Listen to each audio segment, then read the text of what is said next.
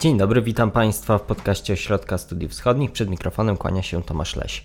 Dzisiaj porozmawiamy o Ukrainie, o sytuacji politycznej w tym kraju, a pretekstem do tego będą wybory samorządowe, które odbyły się w tym kraju. Wybory bardzo ważne, gdyż nastąpiły one po reformie decentra decentralizującej ukraińskie państwo. I o tych zmianach w ukraińskim samorządzie, jak to może wpłynąć na politykę krajową, jak wygląda obecna pozycja prezydenta Załęskiego i jego partii. O tym będziemy dzisiaj rozmawiać w podcaście Ośrodka Studiów Wschodnich, a będzie o tym wszystkim opowiadał Krzysztof Nieczypor, analityk Ośrodka Studiów Wschodnich. Dzień dobry, kłaniam się. To jest podcast Ośrodka Studiów Wschodnich.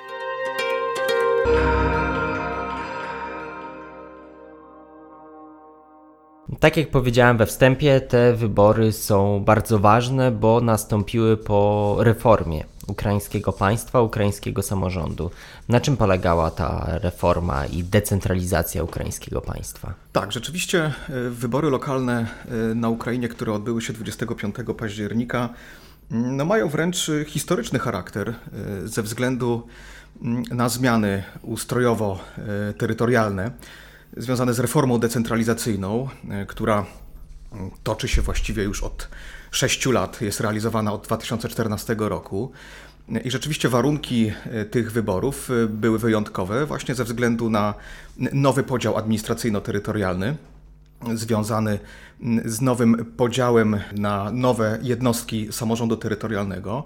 Mowa tutaj jest o przyjętych zmianach, nowym również kodeksie wyborczym, który również dotyczy nowego sposobu wybierania przedstawicieli mm, tychże, tychże organów. I rzeczywiście y, te zmiany, które, które zaszły na Ukrainie właśnie w ramach y, reformy decentralizacyjnej, y, no, mają bardzo istotne znaczenie na funkcjonowanie państwa, przede wszystkim regionów ukraińskich i sam wybory samorządowe jest, są jedną z części dopinających tąże reformę. I na czym ta reforma polega? Ona zwiększone zostały kompetencje samorządów? Tak, przede wszystkim y, dotyczy to właśnie zwiększenia y, kompetencji organów samorządowych, ale przede wszystkim do, dotyczy to także mm, samego podziału terytorialnego. Otóż Rada Najwyższa Ukrainy w lipcu podjęła niezbędne poprawki do ustawy o, o, o samorządzie terytorialnym dokonując właśnie istotnych zmian. Dotyczyło to przede wszystkim zmniejszenia, powołania nowych y, jednostek na poziomie bazowym, czyli tych najmniejszych jednostek teryto podziału terytorialnego. Mowa tutaj jest o gminach, jeśli mówimy o odpowiedniku w polskim ustroju, czyli zjednoczonych, y, zjednoczonych obszarów terytorialnych, tak zwanych chromad. Mhm. To jest najniższy poziom samorządu terytorialnego na Ukrainie. To, co zostało podjęte właśnie w ramach poprawek do ustawy w lipcu tego roku, dotyczyło bardzo y, dużego ograniczenia i liczby y, tych, tych jednostek, ponieważ do tej pory było to ponad 10 tysięcy y, tych najniższych jednostek samorządu terytorialnego, natomiast decyzją Rady Najwyższej zostały one zmniejszone do 1470. Dlaczego? Dlaczego do takiej liczby? Otóż od 2015 roku te najmniejsze jednostki terytorialne miały prawo do samodzielnego łączenia się właśnie w te chromady. No, ta reforma dotycząca właśnie samodzielnego, dobrowolnego łączenia się chromad no, przeszła z mniejszymi lub większymi sukcesami.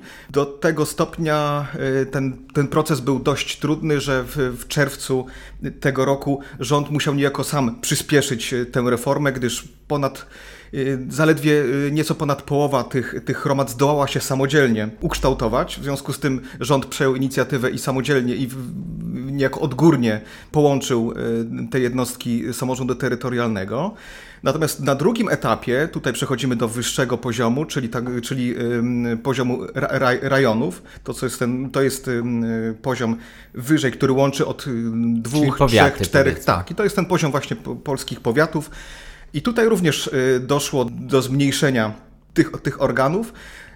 Obecnie. Y, tutaj zmniejszenia w przypadku tych gmin, w tych chromad, y, to nastąpiło zwiększenie ich obszaru obejmowania, czyli też zmniejszona została ich liczba. Tak jest. I w związku z tym rajony, których było do tej pory 490, zostały zmniejszone aż do 137. A więc jest to znacząca, znaczące zmniejszenie liczby, liczby tych, tych jednostek. Co to wszystko oznacza? Oznacza to, że po pierwsze to jest bardzo istotne zmniejszenie liczby deputowanych do poszczególnych rad tychże, tychże organów na poziomie zarówno, zarówno chromat, czyli tych najmniejszych jednostek, których, tak jak wspomniałem wcześniej, było aż 10 tysięcy, obecnie jest nieco mniej niż półtora tysiąca, więc to jest znaczące zmniejszenie. Równocześnie zmniejszenie e, liczby, e, liczby rajonów. No i to wszystko skutkuje tym, że im, co prawda jest ich mniej, to większy obszar one obejmują e, i większą odpowiedzialność będą, będą dysponowały większymi kompetencjami, większą odpowiedzialnością odnośnie Y, obszaru y, swojej, swojej administracji. To wiąże się z drugą częścią reformy administracyjnej, decentralizacyjnej związanej właśnie z nowymi kompetencjami, jakie zostały przekazane y, tym nowym organom samorządowym. Przede wszystkim dotyczy to zmian w kodeksie budżetowym. Zgodnie z zasadą subsydiarności nowe organy samorządu terytorialnego będą mogły mieć większe kompetencje odnośnie y, podziału środków finansowych, które y, już, już teraz bez, bez, bezpośrednio będą spływały do tychże organów. To dotyczy na przykład poziomu 60% podatku dochodowego, które będą już bezpośrednio spływać do budżetów tych, tych najmniejszych, tych chromad, naj, naj, naj, najniższego poziomu y, samorządu terytorialnego. To, to dotyczy również y, środków y, z świadczeń usług komunalnych, które również już nie do budżetu centralnego, tak jak było wcześniej, a właśnie do, do budżetów jednostek samorządowych będą zasilać te środki finansowe, którymi właśnie będą dysponować nowo wybrani deputowani do rad poszczególnych organów samorządowych. Ważne zaznaczenie, że ta reforma decentralizacyjna nie, nie zmienia obwodów, gdyż one są zapisane w Konstytucji. E, wciąż pozostajemy w, 23, w, w ramach 24 e, obwodów e, w Ukrainie. E, I to się, to, się nie, to się nie zmienia, natomiast ta reforma dotyczy e, właśnie tego pierwszego i drugiego poziomu e, ustroju terytorialnego. Jak ona została przyjęta, ta reforma na Ukrainie? To możemy ją interpretować jako sukces prezydenta Zełańskiego? Zdecydowanie jest to krok naprzód w reformie ukraińskiego państwa. Zresztą sama reforma decentralizacyjna była, dokończenie tej reformy było jednym z haseł wyborczych Włodymyra Zełańskiego, więc nie, nie niewątpliwie przegłosowanie tych poprawek, jak również y, zmiana, zmiana kodeksu budżetowego jest niewątpliwym y, sukcesem prezydenta i jego, i jego ekipy. To również decyduje o tym, że te wybory są tak ważne i tak wyjątkowe ponieważ nowe kompetencje powodują, że lokalni politycy, miejscowi działacze polityczni będą dysponować większymi kompetencjami, a więc ich rola w życiu mieszkańców odpowiednio wzrasta właśnie w odniesieniu do, do, do swojej funkcji, którą będą sprawować już od nowego roku, gdy będziemy mieli do czynienia już właśnie z nowymi władzami tychże jednostek y, terytorialnych. Mhm. Porozmawiajmy o wynikach. Y, małe zastrzeżenie tutaj na początku. Nasz podcast nagrywamy 27 października. Wybory, wybory odbyły się 25. Wybory samorządowe y, na Ukrainie, ich liczenie jest dosyć skomplikowane to są duże wybory, dużo, dużo kandydatów, także będziemy mówić o wynikach exit polls.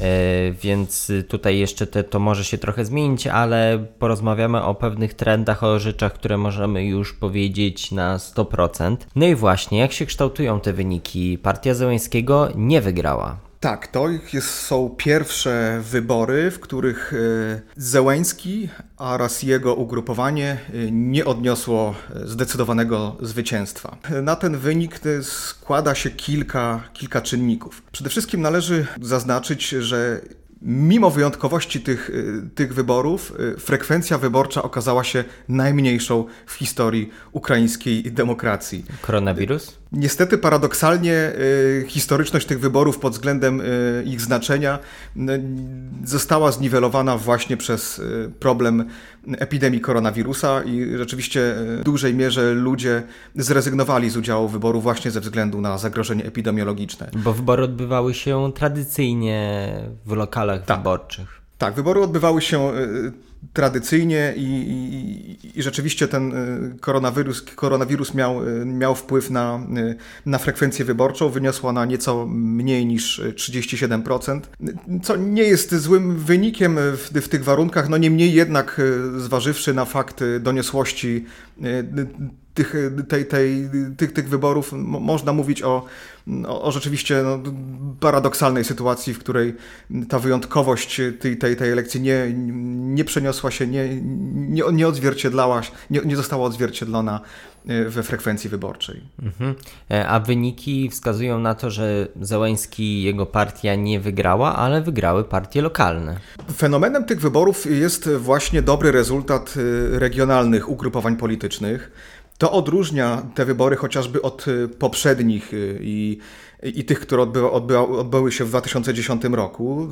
10 lat temu y, dominującą przewagę w wyborach samorządowych zdobyła ówczesna partia regionów prezydenta Wiktora Janukowycza. Pięć lat później, w 2015 roku, zwycięstwo odniosła blok Petra Poroszenki.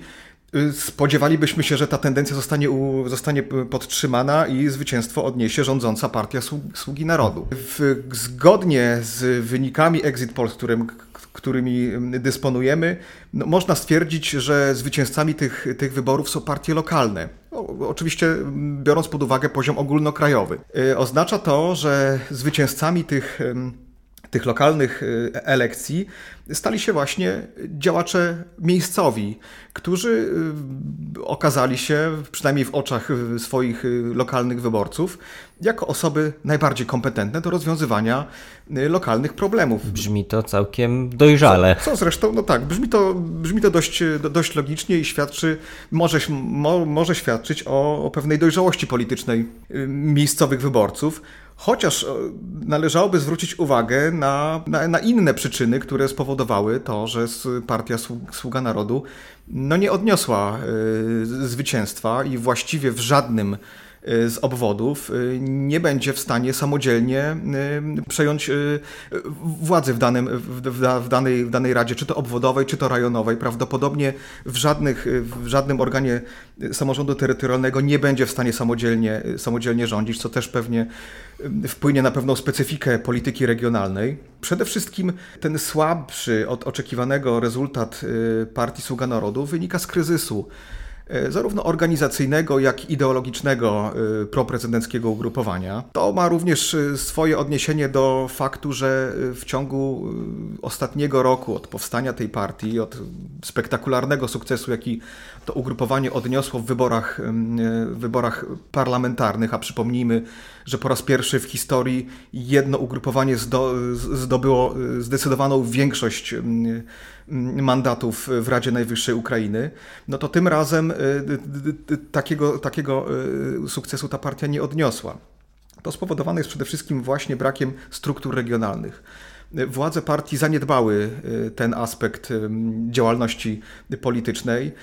Miało to również swoje y, odniesienie w braku kadr. Zresztą to jest problem, którymi boryka się to ugrupowanie właściwie od początku rządów i zarówno Wołodymyra Załońskiego w administracji prezydenta ten, ten problem się objawia, ale również w, w rządzie, w Radzie Ministrów, gdzie jak obserwowaliśmy w ciągu ostatnich kilku miesięcy doszło do, mm, do, do, do, do zmian kadrowych.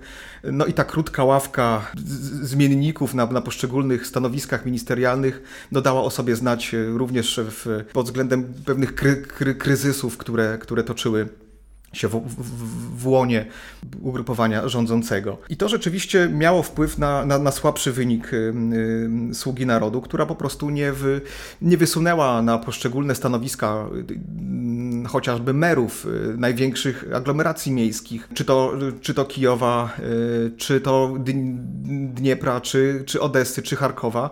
Nie było tam takich postaci, które mogłyby w jakikolwiek sposób e, Ale zagrozić par... faworytom tych wyborów. Wystawiła partia Sługa Narodu tam swoich kandydatów, tak? Ale przegrali. Tak, oczywiście, ale niestety e, ponieśli oni, e, ponieśli oni porażkę. Jednym z takich symbolicznych miejsc jest, jest, oczywiście stolica Ukrainy. W Kijowie zwycię, zwyci, zwyciężył Witalij Kłyczko, który, który prawdopodobnie będzie musiał jeszcze powalczyć w drugiej turze, o ile te, te wyniki sondaży Exit Poll się potwierdzą, uzyskał on nieco mniej niż 50%, a więc będzie, będzie zmuszony do tego, żeby jeszcze w drugiej turze powalczyć o, o, o reelekcję. Natomiast wystawiona przez, przez Sługę Naroda i przez, przez Sługę Narodu Iryna Wereszczuk zdobyła trzecie lub czwarte miejsce w zależności od, od tych ostatecznych wyników, co na pewno należy uznać za porażkę wizerunkową ugrupowania Wołodymyra Załęskiego. E, również w innych, w innych dużych, e, dużych miastach obwodowych e, Sługa Narodu nawet nie, nie była w stanie podjąć, podjąć się mhm. jakiejś rzeczywistej konkurencji z innymi uczestnikami rywalizacji. Właściwie tylko w trzech, w trzech miastach w Czerkasach, Użgrodzie i Krzywym Rogu partia Sługa Narodu ma szansę na to, żeby mm, zdobyć y, fotel, fotel mera, chociaż nawet w tych, w tych trzech miejscowościach, mm, y, w których najprawdopodobniej odbędzie się druga tura wyborów i w, w których będzie uczestniczył przedstawiciel Sługi Narodu, nie uzyska, nie, żaden, żaden z tych przedstawicieli nie jest faworytem mm, tej drugiej tury. Mhm. A na ile mówisz tutaj o tych przyczynach strukturalnych, nazwijmy to, że partia Sługa Narodu nie przygotowała się do tych wyborów, nie miała kadr.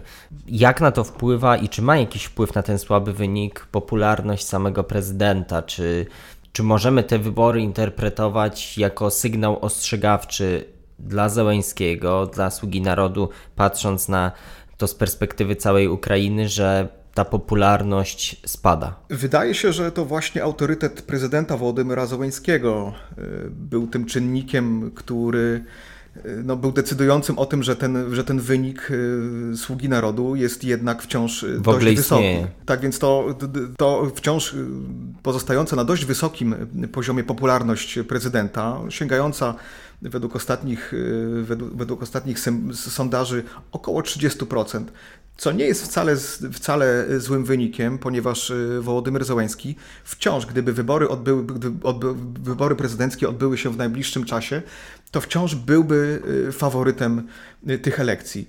Co jest y, dosyć sporym osiągnięciem, zważywszy na to, że każdy jego poprzednik, i zarówno Wiktor Janukowycz i Petro Poroszenko już po, po roku, po półtorej od momentu wybrania na, na najwyższy urząd ukraińskiego państwa, no cierpiał na, na fakt obniżenia poparcia i wręcz skokowego spadku notowań w ukraińskim społeczeństwie, bardzo szybkiego rozczarowania się ukraińskiego społeczeństwa pre, pre, prezydentem y, właśnie odnośnie przede wszystkim y, braku realizacji y, obietnic wyborczych. Natomiast Wołodymyr Załęski wciąż utrzymuje tą, tą pozycję faworyta potencjalnych wyborów prezydenckich. Oczywiście to, to poparcie spada i w, obecnie jest według sondaży jest więcej osób niezadowolonych z jego prezydentury niż, niż zadowolonych, aczkolwiek w porównaniu do innych potencjalnych kandydatów y, wyborów prezydenckich miałby on największe szanse na, na zwycięstwo. Mhm. E, porozmawiajmy chwilę, jak już jesteśmy przy partii Sługa Narodu, za chwilę przejdziemy do tego, co się dzieje też na, opozy na opozycji.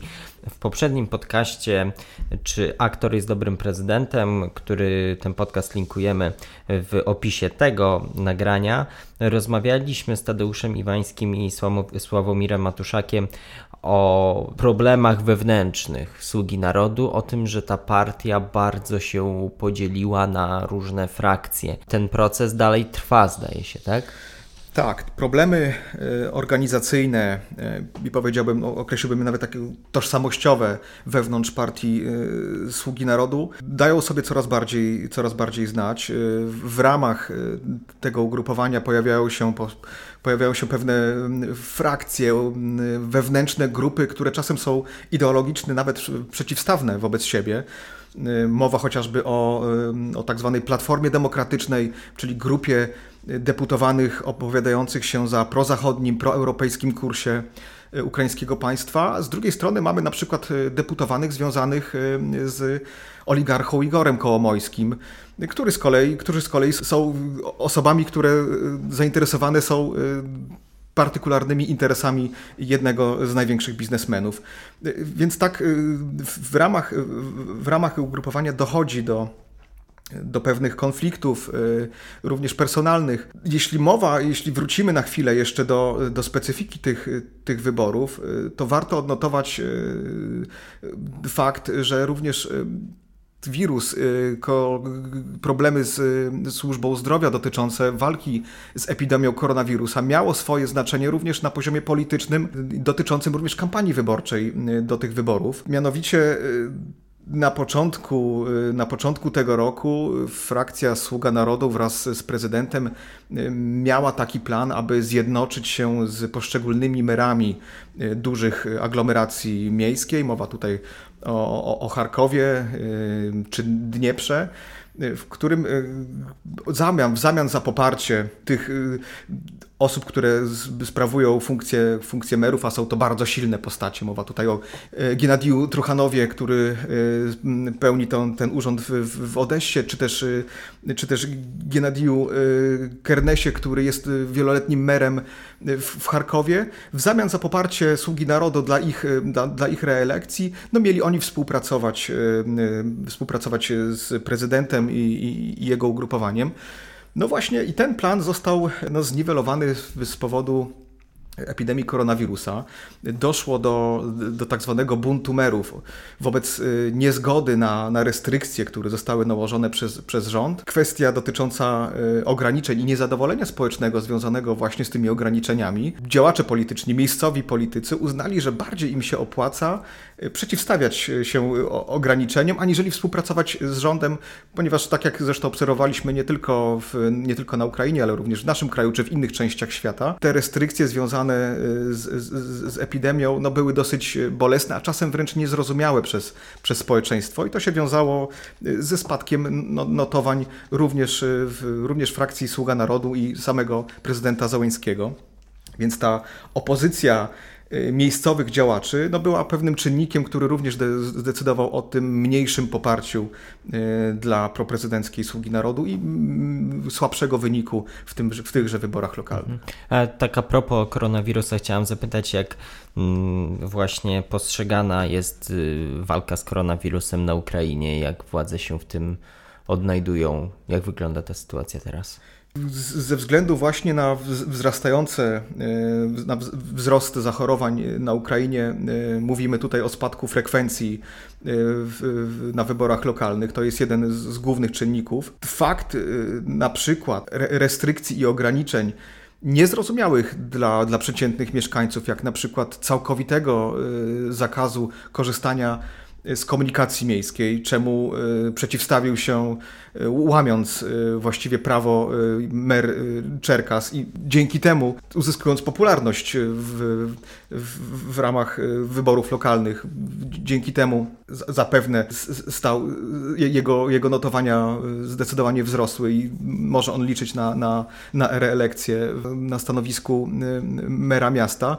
Tak więc te restrykcje spotykały się z niezrozumieniem i wręcz no, wzrostem niezadowolenia społecznego, ale rzeczywiście y, sytuacja na Ukrainie pod względem y, epidemii koronawirusa jest coraz trudniejsza. W ostatniej wypowiedzi y, publicznej Włodymyra Złońskiego w wywiadzie dla czterech głównych y, stacji telewizyjnych Zełęński y, co prawda stwierdzał, że całkowity lockdown nie jest w tym momencie przewidywany ze względu na koszta gospodarcze, które byłyby z tym związane. Niemniej jednak podkreślał on bardzo trudną sytuację służby zdrowia, no i apelował o, o, o większą, o większe zachowanie bezpieczeństwa odnośnie właśnie tych restrykcji i ograniczeń dotyczących mm, walki z koronawirusem. Mhm. Walka z koronawirusem i ograniczenia, które były związane y, z próbą mm, obniżenia y, poziomu zachorowań na Ukrainie, no, wpłynęło na, na, na, kampanię wyborczą, y, również w, w ten sposób, że przedstawiciele lokalnych ugrupowań, lokal, miejscowi politycy, działacze polityczni, w tym przede wszystkim merowie e, danych aglomeracji miejskich, no decydowali się na przeciwstawienie się e, rządowi i, i, i decyzjom ograniczającym e, wolność ukraińskich obywateli. E, no, dochodziło do sytuacji, w których nie, niektórzy z nich e, jawnie przeciwstawiali się tym, e, tym, tym zakazom, występując, starając się pozycjonować jako obrońcy, i tutaj weźmy ten, ten wyraz w cudzysłów, interesów zwykłych obywateli. Tak jak, tak jak w, innych, w innych krajach, tak, tak samo i na Ukrainie, te restrykcje no, były dla, dla mieszkańców Ukrainy bolesne, przede wszystkim dla osób, które, dla, dla, dla, które prowadziły na przykład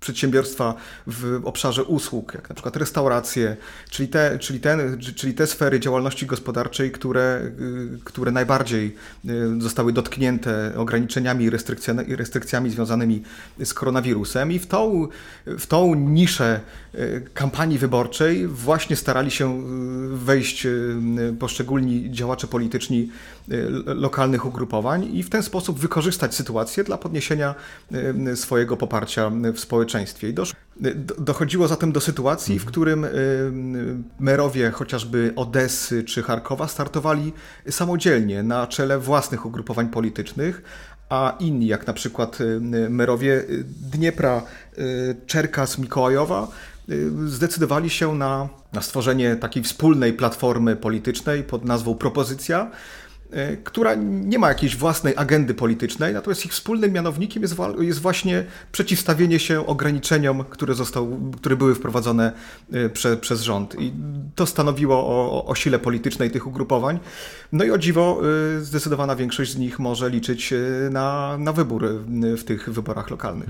A ten sprzeciw wobec tych obostrzeń na Ukrainie, on ma taki wymiar powiedzmy denialistyczny, że to nie jest pandemia i te, tak, taki skrajny ma wymiar, czy po prostu na zasadzie, że nie w ten sposób róbmy te obostrzenia, tylko w inny przygotujmy to bardziej, czy to ma taki wymiar no, no denialistyczny powiedzmy. Tak jak w, w, innych, w innych częściach świata, e, Ukraina nie jest tutaj wyjątkiem. E, zarówno różnego rodzaju teorie podważające w ogóle istnienie epidemii koronawirusa, ale również poglądy na temat, w jaki sposób e, rząd powinien walczyć z tą epidemią, no mają również miejsce na Ukrainie. Rzeczywiście ruch, poglądy doty, do, dotyczące błędów ukraińskiego rządu w ramach walki z koronawirusem dotyczy to nie tylko zakresu tych ograniczeń, ale również sposobu ich wprowadzania. Na przykład y, zakazu przekraczania granicy przez y, podróżnych, co jak wiemy ze względu na chociażby na fakty y, migracji zarobkowej wielu Ukraińców przebywa w Polsce czy w innych krajach Europy. No, wprowadzone z dnia na dzień restrykcje dotyczące zakazu przekraczania granicy no, spotykały się z dużym niezadowoleniem społecznym, co również miało swoje odniesienie do, do tego, w jaki sposób Ukraińcy czynili swój wybór w lokalach wyborczych, głosując na, na te osoby, które krytykowały te decyzje, krytykowały postępowanie władz odnośnie właśnie e, restrykcji i ograniczeń związanych z epidemią. A na Ukrainie ruch antyszczepionkowy ma się niestety dobrze. O tym rozmawialiśmy poprzednim razem też właśnie z Krzysztofem Nieczyporem e, na naszym YouTubie. Link również będzie w opisie. Rozmawialiśmy tam o epidemii Odry. Jeszcze to było już jakiś czas temu, ale mówiliśmy tam o bardzo ciekawych y, rzeczach, bardzo ciekawych danych związanymi z tym, jak właśnie ruch antyszczepionkowy wygląda na Ukrainie, no i jakie to skutki przynosi. Także zachęcamy do wysłuchania tego materiału. Jest on cały czas w dużej mierze aktualny. E, ale wróćmy do polityki i do wyników tych wyborów. Mm, opozycja. Jak się ma opozycja? E, Petro Poroszenko, między innymi, także jego partia startowała w tych wyborach. Jak wyglądają wyniki tych ugrupowań? Specyfiką tych wyborów e, jest e, nie tylko fakt, że e, rządząca partia nie zdobyła większości w, w, organach samorządów terytorialnych, to jednocześnie ten fakt spadku poparcia dla, dla największej w parlamencie partii zdecydował o tym, że brak jest w tym momencie takiej, takiego ugrupowania centralnego, które jednoczyłoby ukraińskie społeczeństwo y, politycznie. Tak jak, tak jak wspomniałem, w 2010 roku Partia Regionów, czyli również rządzące ugrupowanie wówczas, zdobyło większość. Podobnie było w 2015 roku.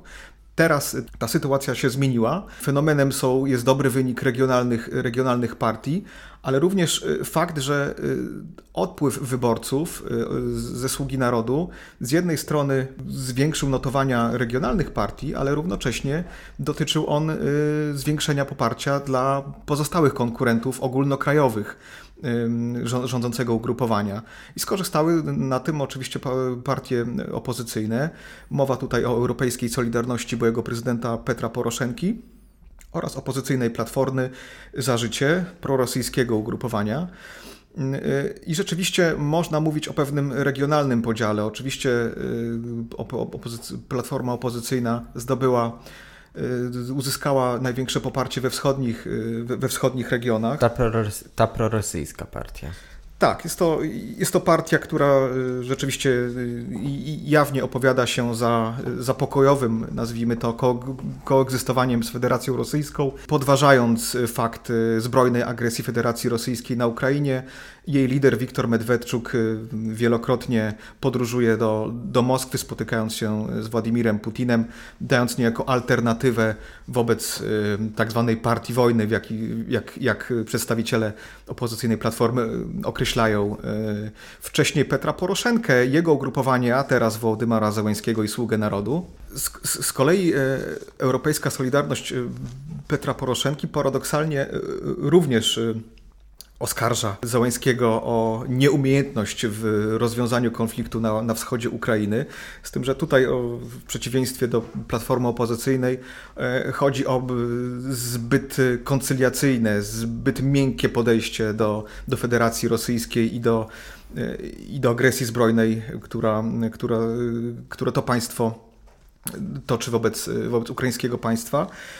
Dobry wynik obu tych opozycyjnych ugrupowań będzie skutkował tym, że zarówno regionalne ugrupowania, które, które w większości uzyskały bardzo dobry wynik, ale równocześnie przedstawiciele sługi narodu y, nie będą w stanie zdobyć bezwzględnej większości w danych radach samorządów terytorialnych. Dojdzie więc do paradoksalnej sytuacji, w której sługa, sługa narodu będzie zmuszona do, do sytuacyjnych prawdopodobnie koalicji z platformą opozycyjną bądź właśnie europejską solidarnością Petra Poroszenki.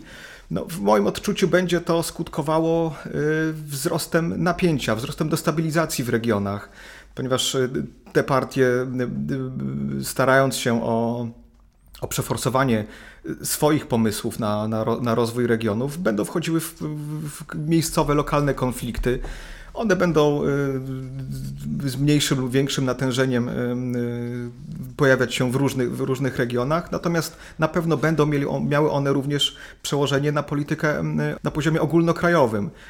Zresztą już deklaracja jednego z liderów Sługi Narodu o, o tym, że z pewnością w jakichś częściach kraju Sługa Narodu będzie zmuszona wejść w koalicję z przedstawicielami platformy opozycyjnej, no, skutkowało y, ogromną krytyką y, rządzącego ugrupowania, wręcz oskarżanie o zdradę interesów y, narodowych przez tychże przedstawicieli, gdyż poziom podziału konfliktu politycznego pomiędzy Europejską Solidarnością, która jest na, na stanowisku proeuropejskiego, prozachodniego kursu wobec platformy opozycyjnej, z której potencjalnie Sługa Narodu miałaby zawierać koalicję w poszczególnych, w poszczególnych regionach jest na tyle wysoka, że to będzie wpływać na, na poziom, y, no, na poziom emocjonalny, na napięcia związane z, z, z, faktem zawierania tego rodzaju sojuszy politycznych na poziomie regionalnym. Mhm. W tym kontekście też bardzo ciekawą rzeczą i dosyć rzadko spotykaną jednak w e, systemach, y, współczesnych systemach politycznych politycznych jest to, co zostało wprowadzone w tych wyborach, to znaczy mandat imperatywny. To są ciekawe e, aspekty dotyczące tego, w jaki sposób rządzące ugrupowanie e, starało się zniwelować e, spadek swoich notowań i uratować swoją pozycję w regionach w ramach wyborów, wyborów lokalnych. Y, to nie tylko dotyczy y, mandatu imperatywnego, bo y, wcześniej inne pomysły, które starali się przeforsować politycy rządzącego ugrupowania, świadczyły właśnie o takiej, świadczyły o chęci zmniejszenia tej, nazwijmy to, porażki w, w, w, tych, w, tych, w tych wyborach. Mandat imperatywny został, został wprowadzony w, w radach poszczególnych samorządów terytorialnych y, i dotyczy on tych deputowanych, którzy zostaną wykluczeni z danej partii i utrata, utrata w danym ugrupowaniu będzie skutkowała również y, zrzeczeniem się mandatu deputowanego. To ma przywiązywać y, poszczególnych deputowanych do danego ugrupowania. I to zostało wprowadzone z jawnym celem do tego, żeby niezależni samodzielni politycy lokalni zostali, y, zostali związani z, daną, z danym ugrupowaniem politycznym. I ten, bo ten mandat imperatywny polega na tym, że jeżeli człowiek jest radny A w jakiejś tam, y, w jakimś regionie i on odejdzie z partii, z której został wybrany, to automatycznie traci mandat. Tak jest. No to jest dosyć e, ciekawe i, i, i, specyficzne e, ujęcie życia politycznego e, w, Ukrainie. Czy nie spotkało się z jakimś sprzeciwem?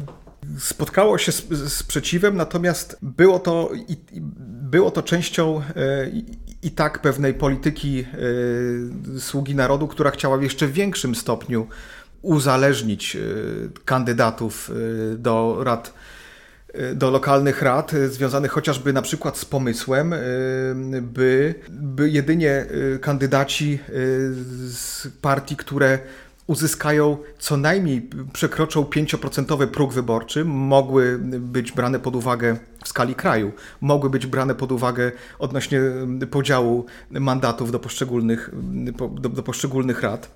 Jak również był pomysł, by tylko partie polityczne, które uzyskają, które wystawią w co najmniej w dwóch trzecich obwodów kraju, będą mogły brać y, udział w wyborach.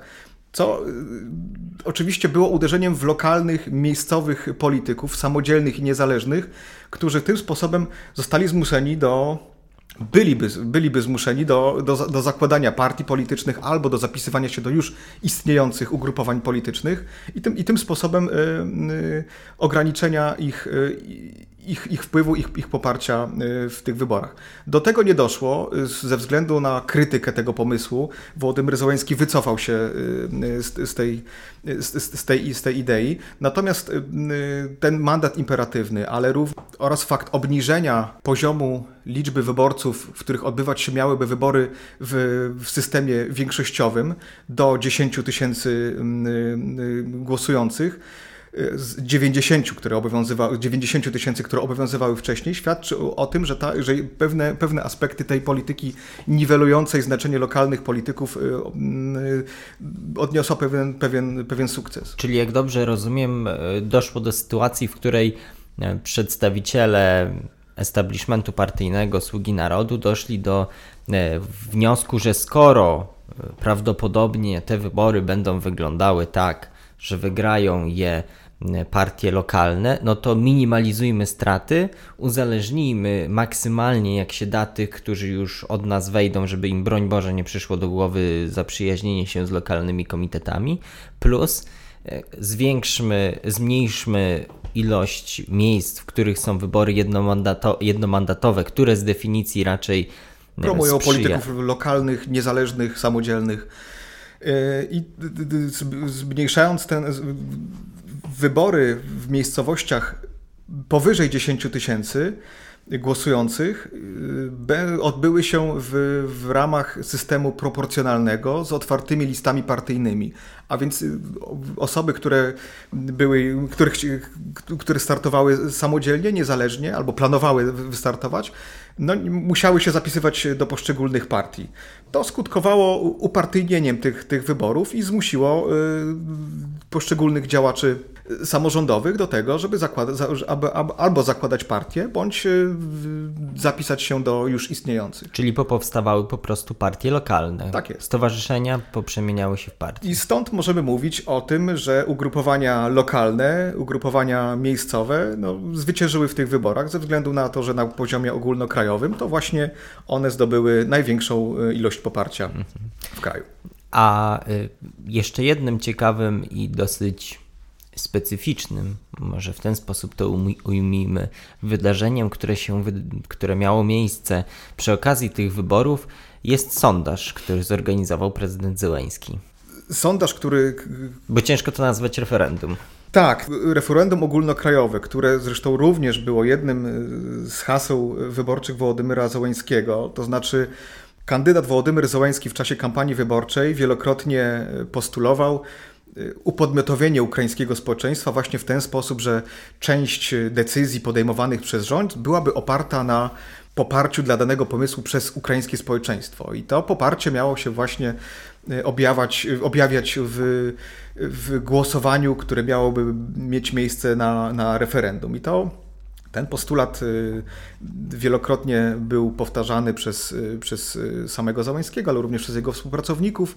No i przy okazji tych wyborów Wołodymyr Załański postanowił zainicjować coś na kształt referendum, chociaż trudno ten, ten sondaż, który, który został przeprowadzony, nazwać właśnie tym, tym określeniem. Mm, ten pomysł został skrytykowany jeszcze przed jego, przed, przed jego przeprowadzeniem, natomiast również y, sposób, w jaki on został przeprowadzony, no, świadczy raczej o pewnym rozpaczliwej próbie ratowania tych spadających notowań y, sługi narodu i właściwie ten pomysł należy rozpatrywać nie jako y, o, o realizację obietnicy wyborczej Zełęskiego, ale właśnie jako pewien element próby ratowania notowań y, rządzącego ugrupowania. Tutaj musimy doprecyzować, y, ten sondaż nie mógł ze względów prawnych odbyć się w lokalach wyborczych, y, ponieważ no, jest to prywatna inicjatywa ta rządzącego ugrupowania, które zostało sfinansowane przez członków tej, tej partii, przynajmniej według deklaracji przedstawicieli tego, przedstawicieli tego ugrupowania. Więc ta ankieta odbyła się obok, y, w pobliżu lokali wyborczych. Sondaż ten nie był y, w żaden sposób związany z Centralną Komisją Wyborczą, a więc nie ma on żadnych y, skutków prawnych. Właściwie nieprofesjonalne przygotowanie tej ankiety i jego przeprowadzenie bez żadnej metodologii, właściwie nie jest znana Y, żadna metodyka związana z przeprowadzeniem y, y, tego sondażu. Dotyczy to chociażby na przykład uwzględnienia struktury wiekowej czy struktury regionalnej, to znaczy w których czy sondaż został przeprowadzony proporcjonalnie w odniesieniu do poszczególnych regionów. Dochodzą do nas informacje od obserwatorów, którzy stwierdzają, że ten, ten sondaż w dużej części został przeprowadzony w centralnych i, e, i wschodnich regionach. Mniejsza ilość e, szansy na wzięcie udziału w tym sondażu była w, w zachodniej części kraju, co zapewne również będzie miało wpływ na to, e, na wyniki, które zostaną zaprezentowane. Tak więc y, wiele jest pytań i, i wątpliwości od, o, odnośnie y, tego, tego, tego sondażu. Te pytania Raczej... też chyba były dosyć, te pytania chyba nawet też były dosyć tendencyjne. Charakter tych, tych, tych pytań był y, ewidentnie populistyczny. On dotyczył na przykład mm, kwestii, czy zgadza się pan, pani na na dożywotnie kary więzienia dla osób, które dopuszczą się y, korupcji w, w nadzwyczajnie dużych rozmiarach. Co to znaczy w najzwyczajnie dużych rozmiarach oraz to właściwie do, dowolne pytanie dotyczące ukarania za za tak nielubiany proceder e, w ukraińskim społeczeństwie no, spotkałby się oczywiście z, z, pełnym poparciem, więc trudno, trudno oczekiwać, żeby, żeby ten, ten, ten sondaż miał rzeczywiście jakiś reprezentatywny charakter i, i mógł nam cokolwiek powiedzieć o rzeczywistym opinii ukraińskiego społeczeństwa w danej, w danej kwestii, bo pytanie jest po prostu tendencyjne i odpowiedź na nie wydaje się, wydaje się oczywista. Innym pytaniem było y, zmniejszenie liczby deportowanych z 450 do 300. Ten postulat y, zresztą y, był częścią kampanii wyborczej Wołodymyra Załańskiego, co jak się wydaje, jeżeli ukraińscy obywatele zagłosowali za tego kandydata, to już przez ten sam fakt opowiedzieli się już w tej sprawie. To podważa sens zawarcia tego pytania w sondażu. Charakterystyczne, że w opublikowanych wczoraj przez, przez Sługę Narodu wynikach tego, tego sondażu respondenci opowiedzieli się zaledwie w 45% za stworzeniem strefy wolnego handlu na, na Donbasie, co postulował Wołodymyr Załęski, co wydaje się będzie e, skutkowało pewną porażką wizerunkową e, ukraińskiego prezydenta.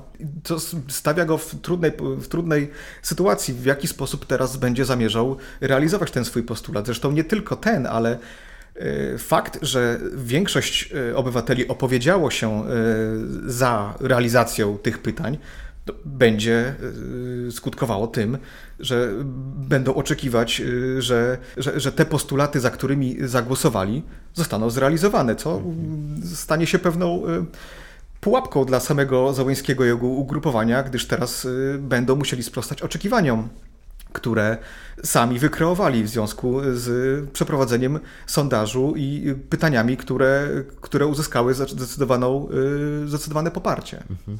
Zmierzając tak do puenty, chciałbym, żebyśmy spojrzeli na to tak trochę z większej perspektywy i chciałbym, żebyśmy na chwilę odeszli od y, kwestii takich politycznych stricte, to znaczy wręcz partyjnych, czyli e, poparcia Sługi Narodu, poparcia partii opozycyjnych czy lokalnych.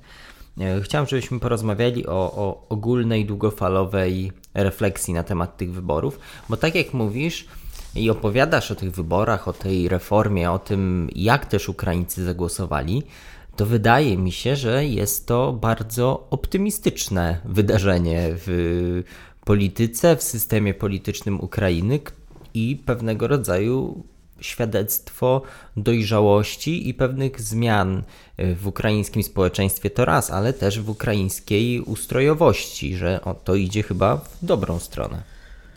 No na koniec wypadałoby jeszcze raz podkreślić doniosłość reformy y, decentralizacyjnej, której zwieńczeniem jest, są właśnie przeprowadzone wybory lokalne. One kończą z tym pewnym sowieckim dziedzictwem e, ustroju e, administracyjno-terytorialnego.